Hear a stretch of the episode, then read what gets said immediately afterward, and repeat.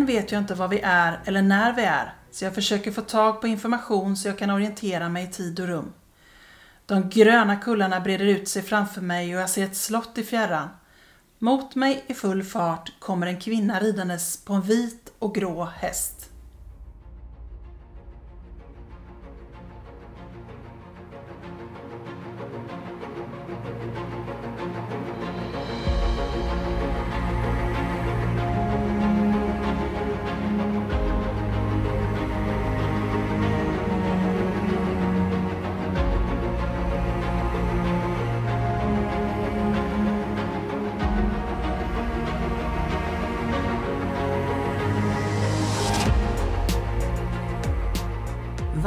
Välkomna till vår podd Magiska möten. Här delar vi med oss av våra upplevelser till er lyssnare genom att berätta om spännande och på olika sätt känslomässiga möten som vi genom åren haft med det övernaturliga. Sedan man var liten har man fått lära sig att sanningen endast kan bevisas genom fysisk existens. Men i den här podden släpper vi logiken och låter känslorna och intuitionen leda oss rätt. Vi heter Caroline och Mikaela och ska ta med er på vår resa in i det okända. Nu börjar Magiska möten.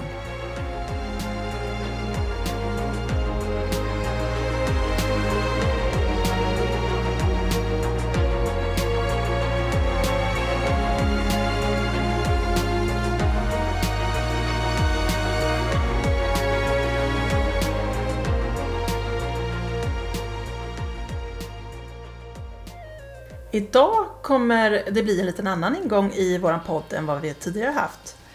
Vi har ju pratat mycket om andar och andlig aktivitet, men nu tänker vi ta en eh, liten ny riktning idag. Utgången till den här berättelsen som jag ska dela med mig av idag, den handlar egentligen om Caroline. Ja, och det handlar ju om mig eftersom du ska berätta om den information som du har fått fram genom att titta på mitt själsliga liv Eh, som inte är knutet till just den fysiska kropp och den exakta tid som vi befinner i, oss i just nu. Själen har en lång resa bakom sig och mycket bär vi med oss in i våra jordliga liv vi idag lever i. Och det här avsnittet eh, är en glimt av det förgångna.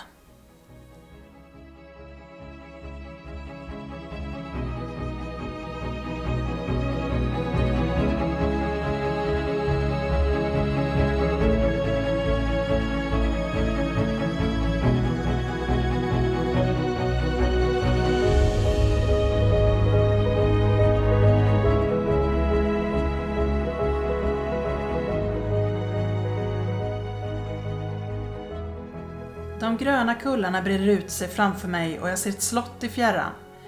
Mot mig i full fart kommer en kvinna ridandes på en vit och grå häst. Hennes långa rödbruna hår glänser i solen och hennes gröna klänning är av mycket fin kvalitet. Och hela hon utstrålar kraft, energi och en självklarhet. Det här är ingen vanlig ung kvinna på den här tiden utan jag förstår att hon har en hög ställning i samhället. Än vet jag inte vad vi är, eller när vi är. Så jag försöker få tag på information så jag kan orientera mig i tid och rum. Jag ser henne plötsligt som yngre lekandes i mycket fina miljöer och jag ser att ingenting saknas omkring henne. Namnet Anne kommer tydligt till mig. Jag ser hennes stora kärlek för familjen, marken hon går på och miljöerna hon vistas i. Hon är mycket hängiven och lojal mot sin arvslott redan tidigt i livet. Jag ser även att hon har nära kontakt med sina föräldrar och kan högakta dem och deras tankar. Det finns en beundran och kärlek i hennes ögon när hon ser på sin far och när jag tonar in på honom så får jag till mig en ganska äregirig man med koppling till flera stora skepp och jag ser honom även som en kapten. Jag ser även en stark koppling till vad jag tror är kungligheter på den här tiden. Det är tydligt att flickan Anne älskar sin far och dyrkar marken han går på. Jag kan även se att hon har syskon, två bröder, men jag ser dem inte leka eller följa med henne i historien så att min gissning är nog att de redan är avlidna tidigt i livet. Det här är nog en stor sorg för den här familjen och faderns önskan om söner präglar hela Anns uppväxt. Jag ser att hon förlorar sin far någon gång mellan hon är 10 och 20 år gammal och det påverkar henne djupt och saknaden och sorgen sköljer över henne för lång tid och hon känner sig sviken. Hon är en mycket klok och självständig flicka. Hon har en snabb förmåga att uppfatta saker och ta till sig nya lärdomar. Hon förstår även det spel som behöver spelas i maktens korridorer och har en mycket saklig och korrekt ton när hon argumenterar. Hennes intellekt är på en hög nivå redan tidigt i livet och den skolning och bildning som hon får är av högsta klass. Men av andra kan hon uppfattas som egensinnig, envis och ibland en översittare då hon redan tidigt i livet utmanar konventioner och manligt maktmissbruk. Jag ser en stark koppling till lag och rätt och jag ser att hon brinner för arvsfrågor och den egna egendomen och alla dess frågeställningar. En känsla som jag har är att hon blir lurad och förrådd av män hela hennes liv. Men att hennes envishet hjälper henne i kampen och att hon aldrig ger sig eller låter sig helt nedslås utan hon fortsätter kämpa. Jag ser böcker runt omkring henne, både som hon själv studerar men även som hon skriver. Både böcker och dagböcker. Men jag är inte riktigt säker på om någonting publiceras. Jag kan se två giftermål. Men jag ser att hon inte är så lycklig. Fast hon blir mer stöttad av sin andra man. Det förekommer lögner och otrohet. Jag ser även att hon får flera barn. Och att det finns ett stort bråk kring ena dottern som leder till en viss eh, bitterhet och svårighet i äktenskapet. Hon var en kvinna före sin tid som kämpade för sina rättigheter och hon älskade sin mark och sin frihet. Hon är mycket kunnig i rättsfrågor och jag kan se henne sitta och besluta i sådana frågor och där är hon rättvis och klok. När hon blir äldre så ser jag att hon ägnar sig åt byggnationer av olika typer av byggnader, slott och kanske även kyrkor. Och här får jag bokstaven S och B till mig som har betytt mycket för henne i dessa sammanhang. Men även ett uttryck som jag tolkar som kumbria. Hon levde i slutet på 1500-talet till nästan slutet av 1600-talet och var en lysande förebild för kvinnor i alla tider. Och mötet med henne ger mig fortfarande gåshud. En stolt, envis kvinna med ett hjärta av guld som älskade sina nära så djupt och innerligt. Hennes flammande hår i solen på den vackra hästen med de gröna kullarna i bakgrunden lämnar ett outplånligt minne av att få resa till en annan tid och en annan plats.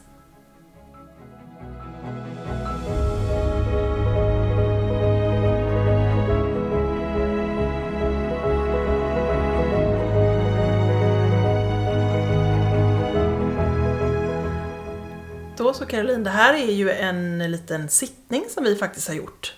Som eh, handlar om ett av dina tidigare liv. Mm. Hur eh, kändes det att få den här informationen?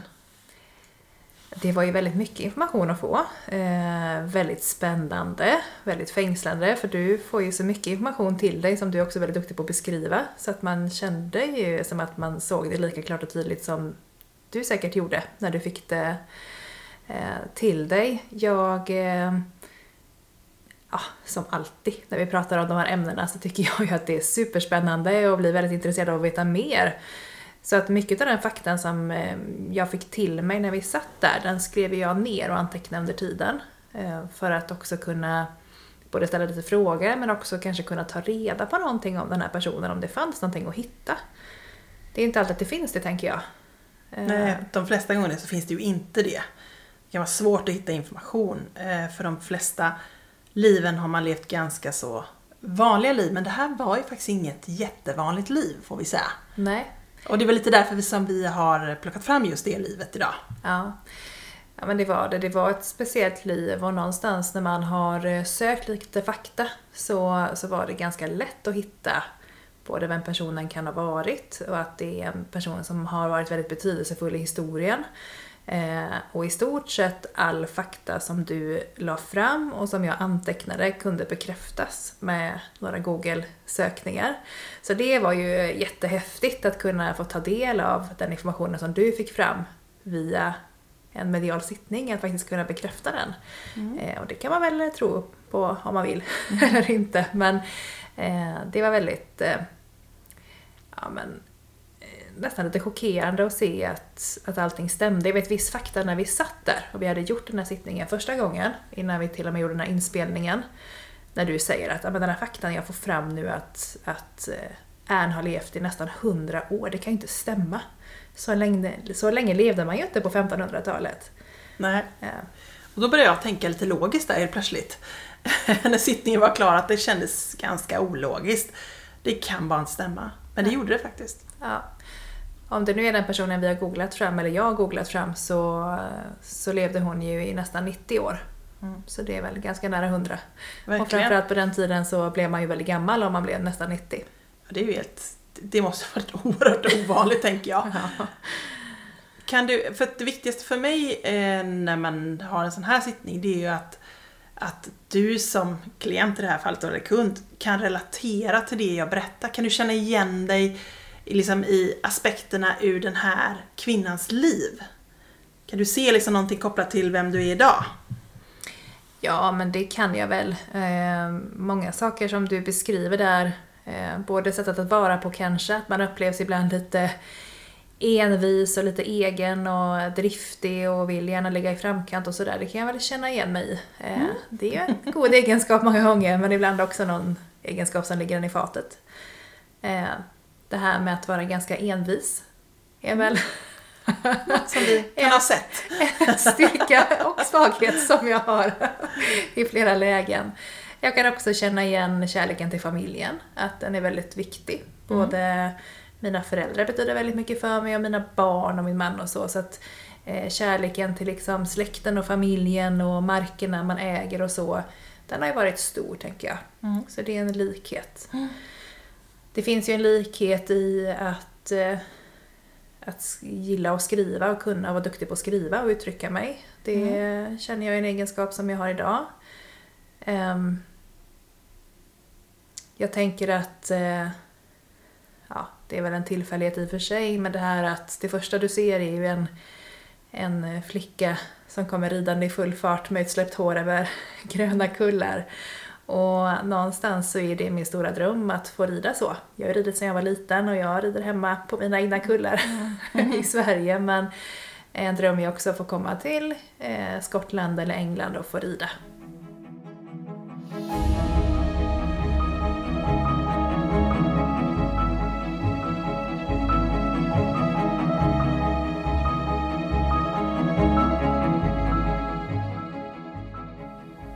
Men någonting som man också ska tänka på med tidigare liv är att man kan ju ta med sig saker från dem in i nuvarande fysiska liv som faktiskt eh, gör att man har svårare här i livet. Man tar med sig saker som man kanske inte har mått så bra av eller man kan skapa blockeringar och, och få ett tufft liv just nu för att man har levt ett tidigare liv som inte var helt roligt. Visst är det så? Ja men så är det ju och många människor som till exempel har fobier eller sådär brukar kunna ha med sig det från tidigare liv.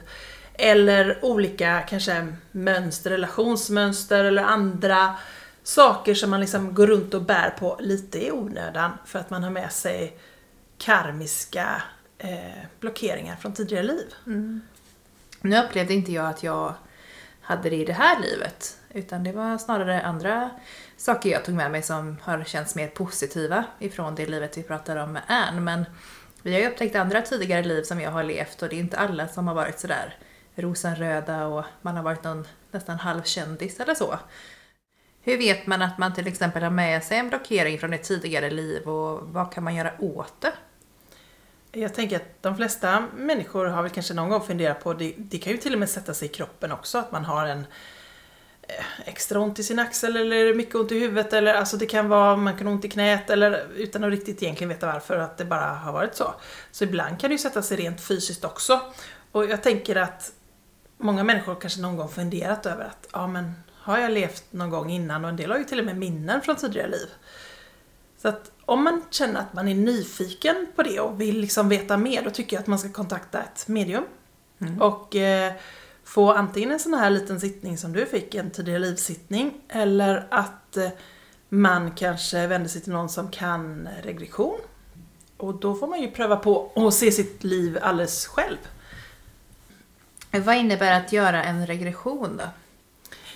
Ja, Det innebär ju att man eh, eh, går till någon som är utbildad i att eh, på ett liksom lugnt sätt guida en ner i ett, eh, ett djupare medvetandetillstånd. Man är, inte, man är inte så långt ner som helt hypnotiserad men man är ganska långt ner liksom. I, eh, och där får man själv uppleva sitt tidigare liv. Och då blir man ju guidad genom det här livet utav någon som kan det. Upplever man eh, det på samma sätt som du beskriver då i den här historien om Anne? Eller hur kan man uppleva en regression? Eh, alltså man ser ju bilder och man, det är som att man är där fast man förstår ju att man är en betraktare utav någonting.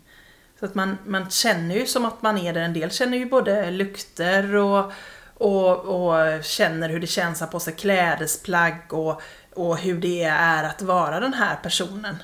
Så att det är ju väldigt olika hur man upplever det men alla får ju en ganska stark upplevelse som om att man är där på plats och att man är med om detta. Mm.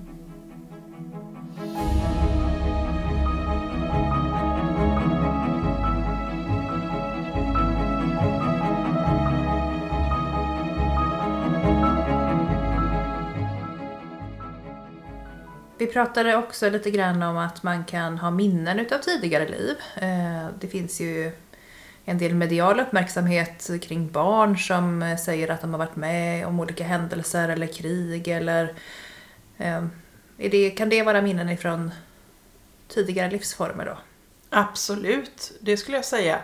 Och många barn, det var ju liksom lite kortare tid sedan de levde ett tidigare liv så att då kan det vara lättare att minnas det. Vanligtvis är det ju att man kanske glömmer bort sina tidigare liv och, och när man kommer in i detta livet så, så har man liksom inte med sig det så starkt. Men en del har ju med sig starka, tydliga minnesbilder. Även, det finns ju även vuxna som minns saker eller känner en väldigt stark dragning någonstans eller känner att eh, nej, men här har jag varit förut på en plats eller så. Så att eh, det finns ju mycket minnen lagrade inom oss Ja. till våra tidigare liv. Men barnen har nog en större förmåga att liksom komma ihåg och känna efter och så. Och det finns ju en del som är absolut säkra på att de har, de har varit med förr och eh, träffat även släktingar till, till den personen de anses ha varit innan. Och, f- och släktingarna har bekräftat att de tror även att här, den här själen har varit den här personen. Men det innebär ju ändå att man kan återfödas inom ett ganska kort tidsintervall i så fall. Om man upplever att man kan beskriva att man har varit en tidigare släkting som nu då träder in som en släkting igen. Vad, vad händer emellan de gångerna man har ett liv på jorden? Mm. Eh, här finns det säkert många olika tankar och idéer och eh, åsikter om det men vad jag har fått till mig så är det så att emellan liven så behöver vi kanske lite lära oss nya saker för att kunna gå in i nästa liv.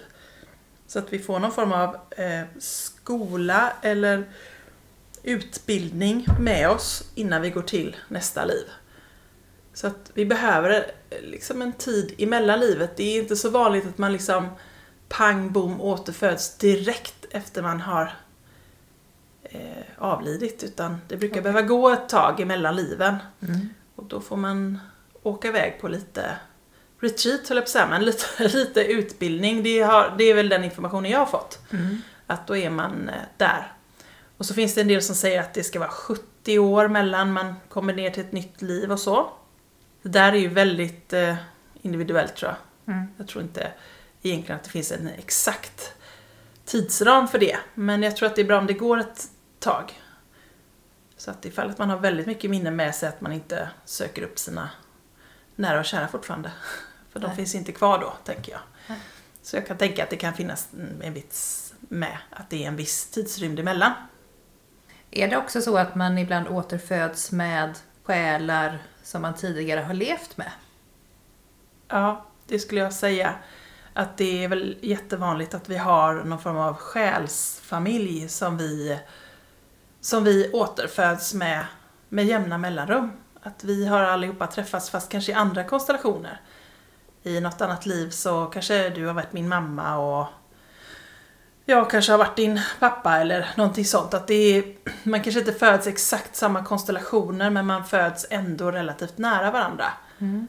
Det är som att man är en stor själsfamilj som behöver träffas och då kan det ju också hända att man, att man är fiender eller något annat. Mm. Det, det är oftast människor som har en stor påverkan på ens liv.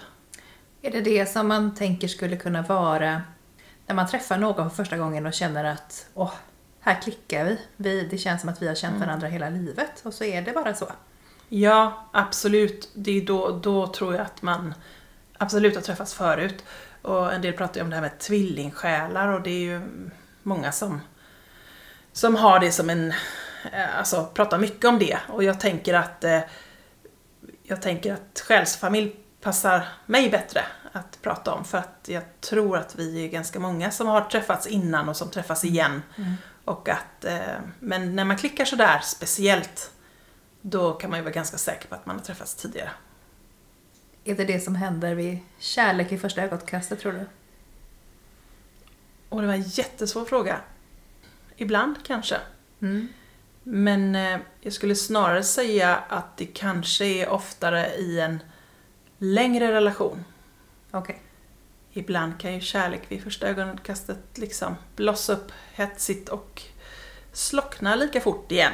Så att eh, jag är inte alltid säker men, men håll, jag tror snarare att det är att man när man har själsliga band att man håller ihop en längre tid. Okej. Men det är ju också så att man, man kan ju ha gjort varandra ganska illa i tidigare liv. Att man har karmiska bekymmer med sig in i detta livet så när man väl träffas och känner en väldigt stark känsla med varandra men man reder inte upp det för att man har för mycket med sig sen tidigare som man inte har liksom gjort upp eller Tänker du att det kan bli mycket bråk eller svårt att hålla relationen vid liv eller vad, Mm. vad skulle det kunna yttra sig? Ja, och då tänker jag också att det handlar ju också mycket om att Dels att man jobbar med sig själv, att man själv är, vad ska jag säga, har jobbat med sina egna inre demoner eller svåra saker eller, eller så som man inte låter det gå ut i relationen. Men det kan ju också vara så att man har gemensamma karmiska bekymmer. Okej. Så det kan ju hända att, eh, mm, att jag har mött par som har haft det, som man behöver låsa upp blockeringar på båda två Okej. kring ja. tidigare liv. Ja. Och då kan man till exempel göra det med hjälp av en regression tänker du då? Eller hur kan man Absolut. lösa upp de här knutarna? Det kan man absolut göra. Eller få hjälp eh, utav ett medium på en sån här sittning att få, att få reda på sitt liv och hur det har sett ut och, och så. Men jag tycker att det allra häftigaste är ju när man får uppleva det själv i en regression. Det är ju något speciellt. Det tycker jag absolut man ska våga prova på någon gång. Ja. Det kan jag varmt rekommendera. För det är ju en speciell upplevelse att man ser någonting själv, upplever det själv. Mm. Det känns mycket, mycket mer verkligt än när någon sitter och berättar någonting för en. Jag har ju provat båda delarna. Mm. Det här som du- har berättat idag om Anne och mitt tidigare liv, det har jag ju fått återberättat ifrån dig. Där Mm. du i och för sig väldigt billigt har beskrivit dina upplevelser av att se hur jag har haft det tidigare.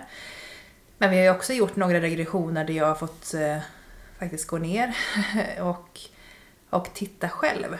Eh, sen har jag kanske inte upplevt alltid så långa sekvenser eller så många sekvenser men det man har upplevt har ju precis som du beskriver varit en känsla av att man faktiskt är där och beskådar sig själv. Ehm, och också att man får känslan av hur man kände sig, hur man såg ut, eh, hur man levde och, och, och framförallt hur eh, man mådde och hade det. Mm. Det är häftigt. Det är ju det. Och det är ju ett speciellt möte som man får lov att göra. Med sig själv. Med sig själv Ja. eller med sitt förflutna som, som man tror jag alltid bär med sig. Har man gjort det så, så finns det kvar där för det är, Mm. det är en otroligt häftig upplevelse. Och man kan också, eller jag i alla fall, när jag har gjort de här regressionerna, precis som du säger, bär med mig det.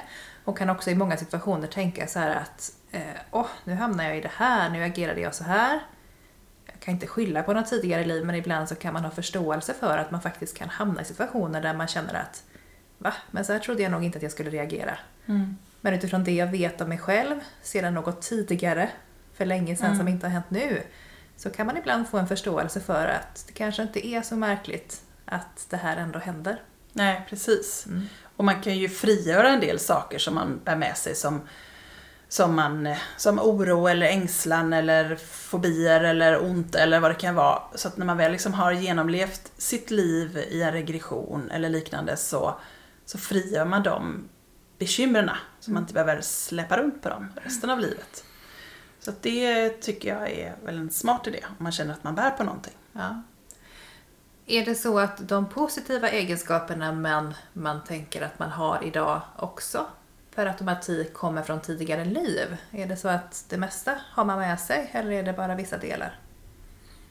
Jag tror att det är vissa delar för att jag tror att du ändå är ju en, en speciell, unik person i detta livet. Det här livet är ju lika viktigt som ett annat liv som du har haft tidigare. Så att visst bär du med dig ett spår av det förflutna eller små glimtar eller skärvor i din själ utav, utav en tidigare existens. Men eh, du är ju en unik person i detta livet. Så många av de egenskaperna och så, det, det har du fått här och nu för att du behöver det i ditt liv här. Och då får vi hålla tummarna att jag kan bära med mig dem in i nästa. Det tror jag alldeles säkert.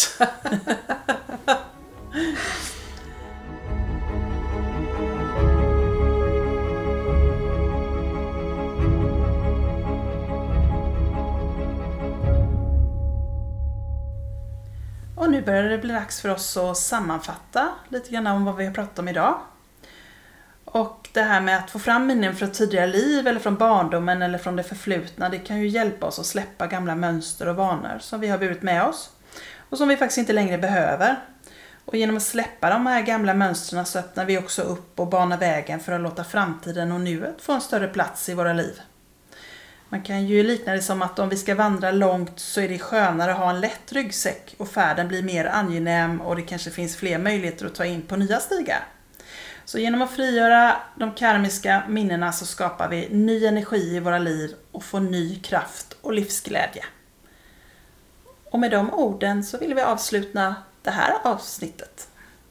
Tack för att ni har lyssnat.